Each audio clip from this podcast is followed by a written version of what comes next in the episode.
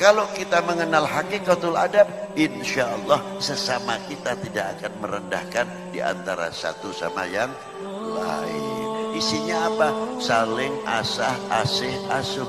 Bukan saling mencemooh. Andai kata dia selaku pengeritik yang sehat. Bukan pengeritik yang memanas. Mau menyampaikan sesuatu memanas Senang apabila dalam melihat keadaan manusia itu ribut.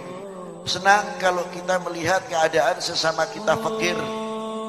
Padahal fakir kita indah Allah. Bukan fakir kita sesama kita, tidak. Walaupun kaya seperti apa, alim seperti apa, fakir indah Allah. Kita ini orang-orang fakir. Kalau tidak diberi oleh Allah Ta'ala, siapa yang